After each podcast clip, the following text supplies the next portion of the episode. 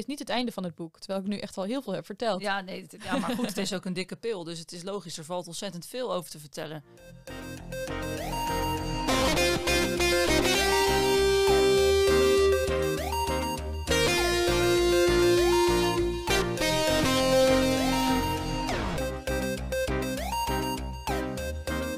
Hey, we zijn er weer met een nieuwe aflevering van de Paagman Tip Boeken Podcast. Mijn naam is David en ik ben jullie host. Maar ik ben niet alleen.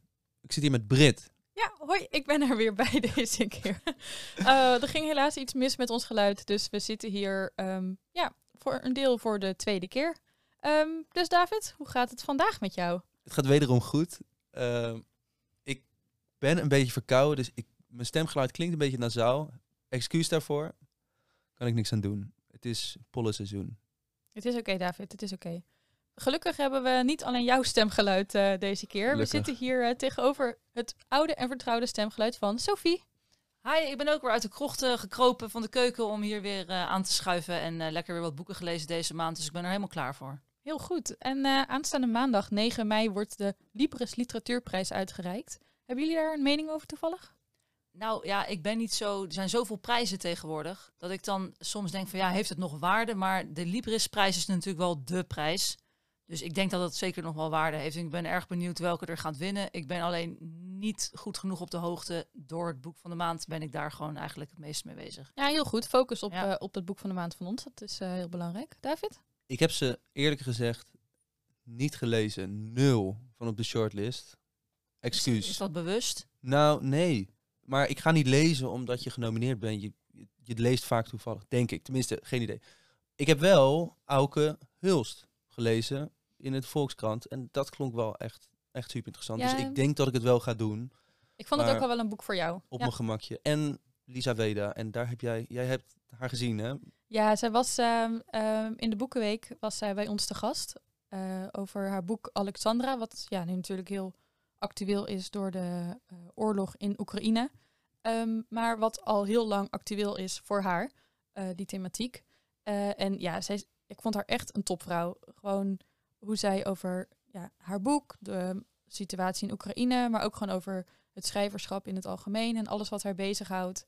Ja, ik, ja, ik vind haar echt fantastisch. Dus ehm, ik, de kans is natuurlijk groot hè, met het track record wat, eh, wat eh, al die prijzen hebben, dat het weer een oudere witte man wordt. Ehm, maar ja, als het Lisa Weder wordt, ik zou het haar echt, echt van harte gunnen. En ik zou het ook heel fijn vinden als er een keer gewoon hè, frisse wind. Hebben een raar jaar gehad. Laat niet een oude blanke man winnen. Ja, en het boek is natuurlijk hyper actueel. En dat merkten we ook toen dus helaas de strijd losbarstte daar in eh, Oost-Europa.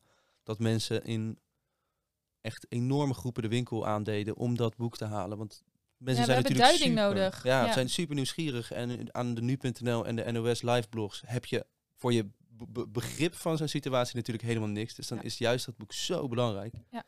Kijk, ja, is het dan erg dat de, dat de, de, keuze van de Libris Literatuurprijs een beetje politiek wordt? Of ne- nemen we dat... op- Ik denk, dat het er, ik denk dat erbij hoort. Het wordt gekozen eh, ja, met een reden. En elke keer is die reden anders. En nu is dit toevallig actueel. En als dat dan de reden is dat dit het beste boek is van dit moment, dan vind ik dat eh volkomen normaal. Sta ik er helemaal achter. En ondanks dat ze actu- actueel was, is het natuurlijk ook uitgeroepen tot literair talent Ja, door de vorig jaar Volkskrant. al. Ja, Zeker. Dus ja, als iemand gaat zeggen, ze heeft alleen maar gewonnen omdat het Ja. conflict nu aan de hand is, niet waar. Ja. Ga naar huis.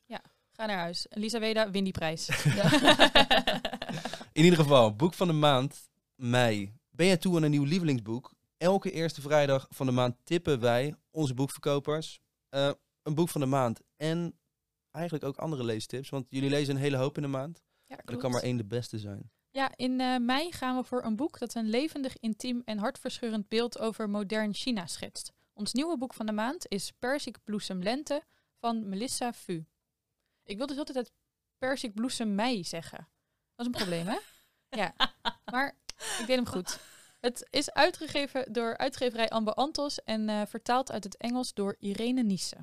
Belangrijk. Vertalers zijn belangrijk. Ja. Ja, geef ze credit en eh, let er een beetje op. Ja, het verhaal gaat als volgt. Het speelt zich af vanaf 1938 bij de start van de Japanse invasie in China eh, tot het einde van de 20e eeuw. En je volgt Mei Lin en Renshu. Eh, in 1938 lacht het leven Meilin nog toe, maar als het Japanse leger nadert, ehm, ja, worden Meilin en haar vier oude zoontje Renshu gedwongen hun huis te ontvluchten.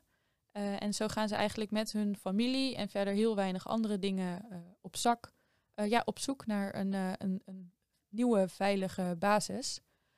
Ze hebben alleen wel een prachtige geïllustreerde handrol bij zich. Ehm, en die is gevuld met oude fabels die troost en wijsheid bieden. En dat, ja, dat ding is echt super kostbaar. Eh, ehm, zowel echt gewoon qua hoe het gemaakt is en wat het waard is. eh, maar ook gewoon voor Meilin en Renshu. Ehm, ja, nou, ze trekken dus door dat, eh, door dat verwoeste China op zoek naar een nieuwe plek. En als, als lezer vlucht je ook echt mee met hun. En krijg je best wel goed mee ja, welke ontberingen ze moeten trotseren en ook uit welke dingen ze kracht weten te halen. Zo verstrijken er uiteindelijk heel veel jaren ehm, totdat Renshu het eh, ja, tot een Amerikaanse universiteit schopt. Dus vervolgens gaat hij eh, op de boot eh, naar Amerika, waar hij twee maanden over doet met een paar andere vrienden om, om in Amerika te komen. Ja, want zo lang duurt dat. die Ja. tijd was dat nog. Ja, daar eh, ja, verandert hij zijn naam naar Henry Dao en bouwt hij een nieuw leven op. Maar dat is nog steeds niet het einde van het boek, terwijl ik nu echt al heel veel heb verteld. Ja, nee, het- ja, maar goed, het is ook een dikke pil. Dus het is logisch, er valt ontzettend veel over te vertellen. Eh, en in mijn geval, het begint met een kaart, dus toen was ik al verkocht. Dat is eh, altijd een pluspunt, vind ik. Ja, Sophie is een, eh, is een fantasy-lezer, dus als er iets van een ehm, illustratie of iets waar ze op terug kan grijpen, dan is Ja. Sophie al om. Ik, ik, ik heb het boek in mijn hand. Ik zie inderdaad in de, op de eerste bladzijde China 1938 en een prachtige kaart met de gele zee en de oude namen voor de steden. Dat maakt het ook super interessant. Dus je bent eigenlijk ons nu gewoon een beetje aan het factchecken of er Eh, daadwerkelijk eh, een kaart in ja. staat. Kom op, het, het moet feitelijk zijn. Denk ik. Eh, maar dit is een boek, eh, ja, het is, eh, ik, ik hou hiervan. Het, het is weer een verbreding van je referentiekader. Het geeft veel eh, informatie waarvan je denkt van, oh wacht, ja, dat was ook in die tijd. Want het begint in 1938, dus je denkt, nou, hè, dan komt de Tweede Wereldoorlog aan. Dat is zo, maar dit is ook zo. En dat ja, vergeet je soms een beetje. En eh, ja, ik vind het erg indrukwekkend. En het geeft ook, behalve een reis eh, van de familie, is het ook een reis per persoon. En eigenlijk wordt het stokje steeds overgegeven. Want het begint met de reis van de moeder, haar zoon, dan weer zijn dochter. En het gaat echt over op zoek naar een identiteit, een nieuwe identiteit. En hoe neem je je verleden mee eh, in je leven nu. En dat kan soms ontzettend frustrerend zijn. En soms ook zelfs leiden tot dat je een andere naam eh, aanneemt. Want dat was in die tijd heel normaal. Eh Renshu eh, noemt zichzelf dan Henry. Ja. Want ja, Renshu kun je natuurlijk niks mee in Amerika. In elk geval toen niet. Ranchy. Ja. dus het werd gewoon eh, Henry. En eh, ja, het is, het is ontroerend en het is confronterend, zou ik willen zeggen. Klinkt ook als een enorm bloemig, wilderig verhaal. Ja, dat valt dus eigenlijk ehm, best wel mee. Want het verhaal loopt helemaal eh, chronologisch. En eh, je volgt de personages ja, met af en toe tussenpozen van een paar maanden of jaren eh, op de voet. En ehm, ja, ondanks dat Melissa Fu heel veel vertelt, ehm, zijn haar zinnen wel redelijk kort en krachtig. En ja, verliest ze zich niet gigantisch in soort van uitstapjes en ja, niet, niet in, in wat ze te vertellen heeft, maar ook niet in haar vertelstijl. Dus dat, eh, ja, dat maakt het ondanks de 440 pagina's toch wel een, een, een verhaal wat ja, gemakkelijk te lezen is. Zeker, en ook to the point. Het is niet inderdaad, wat jij zegt, niet langdradig. Hè. Zo Nee. ervaarde ik het helemaal niet. Ik kan me juist voorstellen als je eh, het, het onderwerp China in de Tweede Wereldoorlog aankaart. En ze is ook zelf Chinees. Zag ik in de, in de achterflap staan. Dan kan ik me voorstellen dat je niet kan inhouden om mensen te vertellen van joh, dit is er gebeurd. Ja. Want ik, als ik in de winkel kijk, eh, en in eigenlijk elke de meeste boekenwinkels in, in, in, in Nederland, zie ik daar geen boeken zoals wij het hebben over de Churchills en de, en de, en de slag om, om, om, eh, om Rusland. Operatie Barbarossa, daar komen miljoenen boeken over uit. En Ja. over de Chinese, echt die Chinese-Japanse oorlog, Tweede Wereldoorlog in China en Japan daarin. Ik weet er zo weinig Ja. van. Ja, echt dus over 21ste eeuws China. Ja. eh, daar verschijnt nog wel eens iets van. Meer gewoon over hoe dat nu, ja, die, die hele politiek is. Maar ja, inderdaad, echt die geschiedenis van modern China, dat blijft altijd toch wel een redelijk onderbelicht, eh, ja, Maar het is soms ook actueel, want ik bedoel, het studentenprotest is nog niet heel, eh, ja, dat is nog redelijk recent. Dus het is ook wel met herkenning. Dat je denkt van, Ja. oh shit, dat was toen op tv. En Ja. wow, wat een impact. En eh, ja, de dochter van Renshu, die is ook echt... Ja, ze heeft zoveel moeite met dat eh, hij zo'n zwaar verleden heeft gehad. Want zij mist heel erg, waar kom ik vandaan? En dat kan ze niet halen bij haar vader. Ja. En dat lijkt, me, ja, dat lijkt me heel lastig. Dus zij probeert altijd andere dingen te halen. Zoals een eh, Chinese cursus of bij haar moeder. Maar ja, die weet eigenlijk ook niks ervan. Ja. Dus het, het is echt zo van eh, hoe je als zoveelste generatie van ouders die de oorlog hebben meegemaakt, hoe je dan dat ervaart. Ja, en die verhaallijn van Renshu, of dus eh, ja, Henry in Amerika, eh, die laat ook heel goed zien eh, dat ook al heb je een, een nieuw leven opgebouwd in een nieuw land, ja, duizenden kilometers van China af, en denk je dat je je vroegere leven een soort van hebt afgeschud, ehm, ja, dan, ja, Henry komt er dus achter dat hij nog steeds gewoon heel vaak, ja, er een soort van een diepere angst om de verkeerde dingen te zeggen, of je met de verkeerde mensen te mengen. Eh, ja, eh, omdat waar je ook bent, ehm, ja, blijft hij toch een soort van leven in die angst van wat, wat China met je zou kunnen doen. Omdat ja, die tijd waar je niet gewoon nog even een WhatsAppje kon sturen, ja, is dat natuurlijk. eh, Nou, en ik zou nog wel even willen zeggen, om even aan te geven hoe ingrijpend dit dan is. Eh, het, het is dus zo dat ongeveer hon- eh, 14 miljoen Chinezen gestorven zijn in die periode waar dit boek over gaat. En ongeveer 100 miljoen vluchtelingen werden. Ja, dat is niet te bevatten. We weten natuurlijk wel dat er nou, inmiddels denk ik meer dan een miljard, maar dat China natuurlijk de, hè, behoorlijk wat inwoners heeft. Maar dit vind ik wel echt heftig. Understatement. Ja, behoorlijk wat. behoorlijk wat. Er lopen er wel een paar rond. Ja. Hebben we nog iets aan te merken op dit schijnbaar perfecte boek? ja, ik, eh, ik kan er wel wat over. Ik kan er wel wat over zeggen. Ja, jij had toch wel stiekem iets, geloof ik. eh, Ja, maar ik, dat ging vooral over het uiterlijk. ja, over het uiterlijk van het boek en waarmee ik dan toch een soort van met een vooroordeel dan dat verhaal al eh, begin. Ehm, want ja, toen ik de cover zag, het is eh, dus een, een blauwige cover met een soort bloesemtakken erop en een goudgele cirkel waar dan de titel in zit. Ehm, ja, dat, dat steltje, dat hebben we nu al wel bij meer boeken gezien. Ook dat zit bij Han Pachinko, ehm, maar ook boeken van Nederlandse auteurs die over China schrijven of over het Oosten schrijven. Dat je niet dan weer krijgt van, oh heb je weer, zo, weer zo'n boek. Maar dat is, vind ik met deze helemaal niet. Nou ja, ja, nou ja, en het vooral gewoon een beetje dan te veel naar stereotypes wordt getrokken. Daar zou ik, dat zou ik zonde vinden. Soms houdt het ook je fantasie tegen om het in andere kaders te, te, te, te plaatsen dan in die stereotype kaders. Ja, goed, het, het doet uiteindelijk echt geen afbreuk aan het, aan het verhaal. Ook al ja, ging ik dan toch wel een soort van met een 1-0 achterstand erin. Eh, maar Melissa Fu heeft het voor mij helemaal goed gemaakt met gewoon een, een hartstikke goed authentiek verhaal. Dus dat, eh, Onze absolute tip voor de maand mei. Ja. Melissa Fu. Maar we hebben dus nog een paar eh, boeken gelezen die we, die we graag nog even ja, kort Ja. willen bespreken en willen tippen. Dus we hebben ook nog gelezen De Beschermelingen van eh, Mira Sis. En dat is uitgegeven door uitgeverij Meulenhof. En het is een Vlaamse schrijfster. Ja, klopt. Eh, wat ik helemaal niet storend vind, zijn mensen die daar niet zo van houden. Maar ik vind bijvoorbeeld eh, Dimitri Verhulst vind ik ook eh, prima. En waar merk je het aan? Ja, bijvoorbeeld wij zeggen natuurlijk niet wenen. Wij zeggen Janken. janken, huilen, noem, maar, noem maar, op. maar het verhaal, waar gaat het Ja, over? het, het gaat over, over Linda en haar vijf broers. En we starten eigenlijk aan de rand van een graf. Waar ze elkaar dus weer treffen nadat ze elkaar lang niet hebben gezien. En ja, dat is natuurlijk altijd eventjes spannend eh, aan de rand van een graf. Want dat betekent dus dat er iets heel intens gebeurd is. En in dit geval eh, is het ook heel ongemakkelijk. Want ze hebben elkaar met een reden hebben ze elkaar lang niet gezien. Het is een verhaal over familie en betrouwbaarheid eh, van herinneringen. Dus af en toe wordt het ook anders omschreven door een broer of door de zus. Ze hebben dus niet allemaal dezelfde herinnering. Wel zijn ze ja, echt pijnlijk realistisch. Dus voor mij was het ook niet een bijster goed idee om dit in het vliegtuig te lezen. Ik had echt wel zoiets van, oh wow, hier zat ik eigenlijk niet. eh, Ik bedoel, de cover is met een, eh, met een hinde of een hert eh, op de ja, het ziet voorkant. er heel lief uit. Dus je denkt echt van, oh, de beschermeling, oh, dat wordt echt een warm, gezellig boek. Dacht ik, nou, is, dat vond ik dus niet. Ik vond het vrij heftig. En ook zodanig, ja, ik bleef een beetje achter met zo'n gevoel van, ja. En nu, het is niet erg dik ook. Dus ja, dit is wel, het is goed geschreven. Ik heb het uiteindelijk wel niet, niet met tegenzin gelezen of zoiets, helemaal niet. Maar ik, ja, ik bleef achter met een beetje dat ik niet wist wat ik ervan moest vinden. En dat ik het echt wel heel heftig vond. ja, ja, het is... eh, Klinkt ook echt als een rouwboek. Ja, Nou, ja, dat is echt een, een goed woord om het te omschrijven. Zeker weten, ja. ja. Ja, en het is ook wel het is heel bijzonder, want het, ja, je hebt dus die twee vers- ja, verschillende tijdslijnen. Je hebt een soort van het heden, waarin inderdaad de schrijfstijl heel rauw is en ja, veel scènes echt pijnlijk realistisch eh, van, het, van het papier spatten, zeg maar.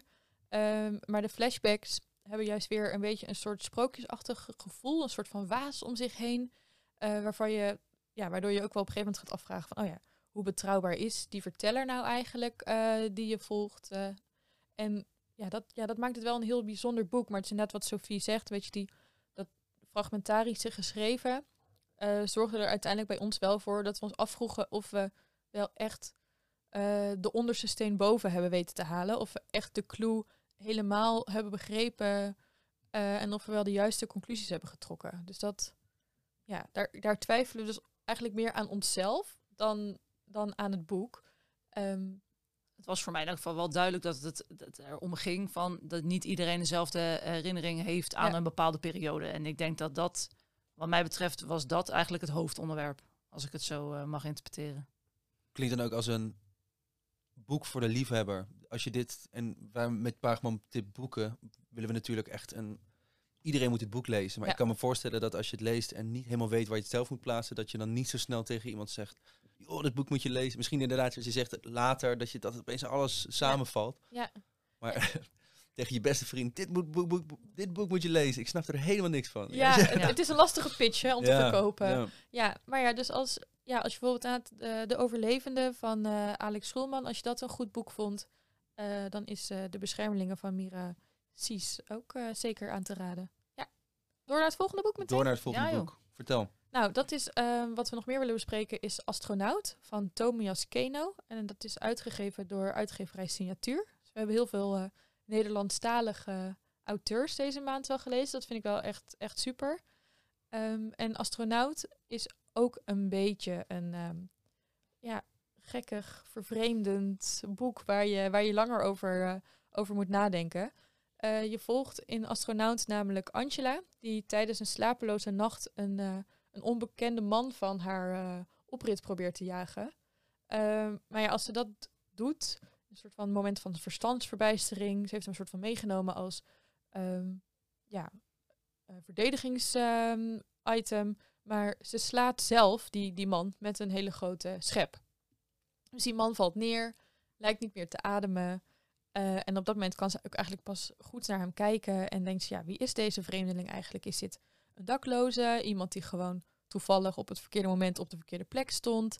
Eh, is het een, eh, ja, een asielzoeker uit het pas geopende tijdelijke AZC in het dorp?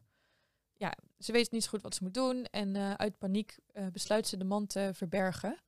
Eh, vervolgens rijdt ze zelf eh, weg op zoek naar iemand die haar eh, kan helpen. Ze rijdt bijvoorbeeld naar haar ex-man met de auto. En ja, uiteindelijk komt ze toch terug bij haar huis, s ochtends, en denkt, ja, shit, hoe gaan we dit doen?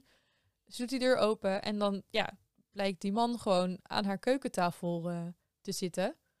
Hij zegt geen woord, maar is een beetje sterrenstelsels aan het, aan het tekenen. En dat is natuurlijk echt super raar, want je denkt dat je iemand voor dood hebt achtergelaten en vervolgens zit hij, eh, alsof er niks aan de hand is, eh, in jouw keuken. Ehm, ze schakelt de hulp in van haar geadopteerde zoon Rocco. Die is als baby eh, in Nigeria ten vondeling gelegd en is door haar geadopteerd. En ook hij worstelt met zijn plek in het dorp. Het is een beetje een bekrompen dorp waar ze in wonen. En samen, maar ook los van elkaar, proberen ze erachter te komen ja, wie die zwijgende man is en, en waar hij vandaan komt. Bijna een soort science, fiction, joh, als je het zo omschrijft. Ja, ik doe dat goed, toch? Ja, zeker. Maar echt wel eh, ook spannend en eh, surrealistisch. Als je ineens een man in een veld vindt, dat is toch niet echt... eh, Maar ja, jij zegt, hij, hij sprak ook niet. Ja. Het zou natuurlijk zomaar een asielzoeker kunnen zijn, want die spreken natuurlijk ook niet allemaal de taal. Dus Ja. het is ook nog wel enigszins realistisch. Ja, maar ja, die bekrompenheid van dat dorp, dat blijkt dan ook wel weer uit als dus uiterlijk van, ja, dus zeg maar de astronaut wordt omschreven. Want ja, hij heeft blond haar en een blond baardje. En dat is toch wel iedereen die zegt, nee, nee, dat kan geen asielzoeker zijn, want zo zien asielzoekers er niet uit. Terwijl dat, Ja, ja. daar vinden we misschien wel wat van. Maar dat is een ander onderwerp. ja, dus, ja, het is een beetje een, een raar boek. En er zit een beetje een soort van ja, eh, magisch realisme ook in. Ehm, maar het, ja, het werkt wel. Gek. Ja, het klinkt inderdaad wederom weer wel als echt als een boek voor de liefhebber van het surrealistische, voor een beetje het paranormale. Ja. Is dat ook de reden waarom die uiteindelijk nu wordt besproken, niet aan het begin van de podcast, als boek van de maand? Ja, het was voor sommigen een beetje zo die bizarre eh, wereld. En dat je toch niet helemaal de vinger erop kan leggen. Wat nou ja, precies de soort van motivatie van het boek is, zeg maar. Ehm, ja, Wat was probeert voor, het te zeggen? ja, was voor sommige collega's toch een beetje ja, iets te vervreemdend. Ehm, maar ja, vooral voor mij in ieder geval, vanwege die maatschappelijke thema's die er ook in zitten. ehm, ja, heb ik er wel echt, eh, echt wel weer wat uit kunnen halen, zeg maar. Sofie ook? Nou, ik vond vooral, mijn reactie was vooral eh, toen we het gingen bespreken van, ja, het is inderdaad wel echt raar.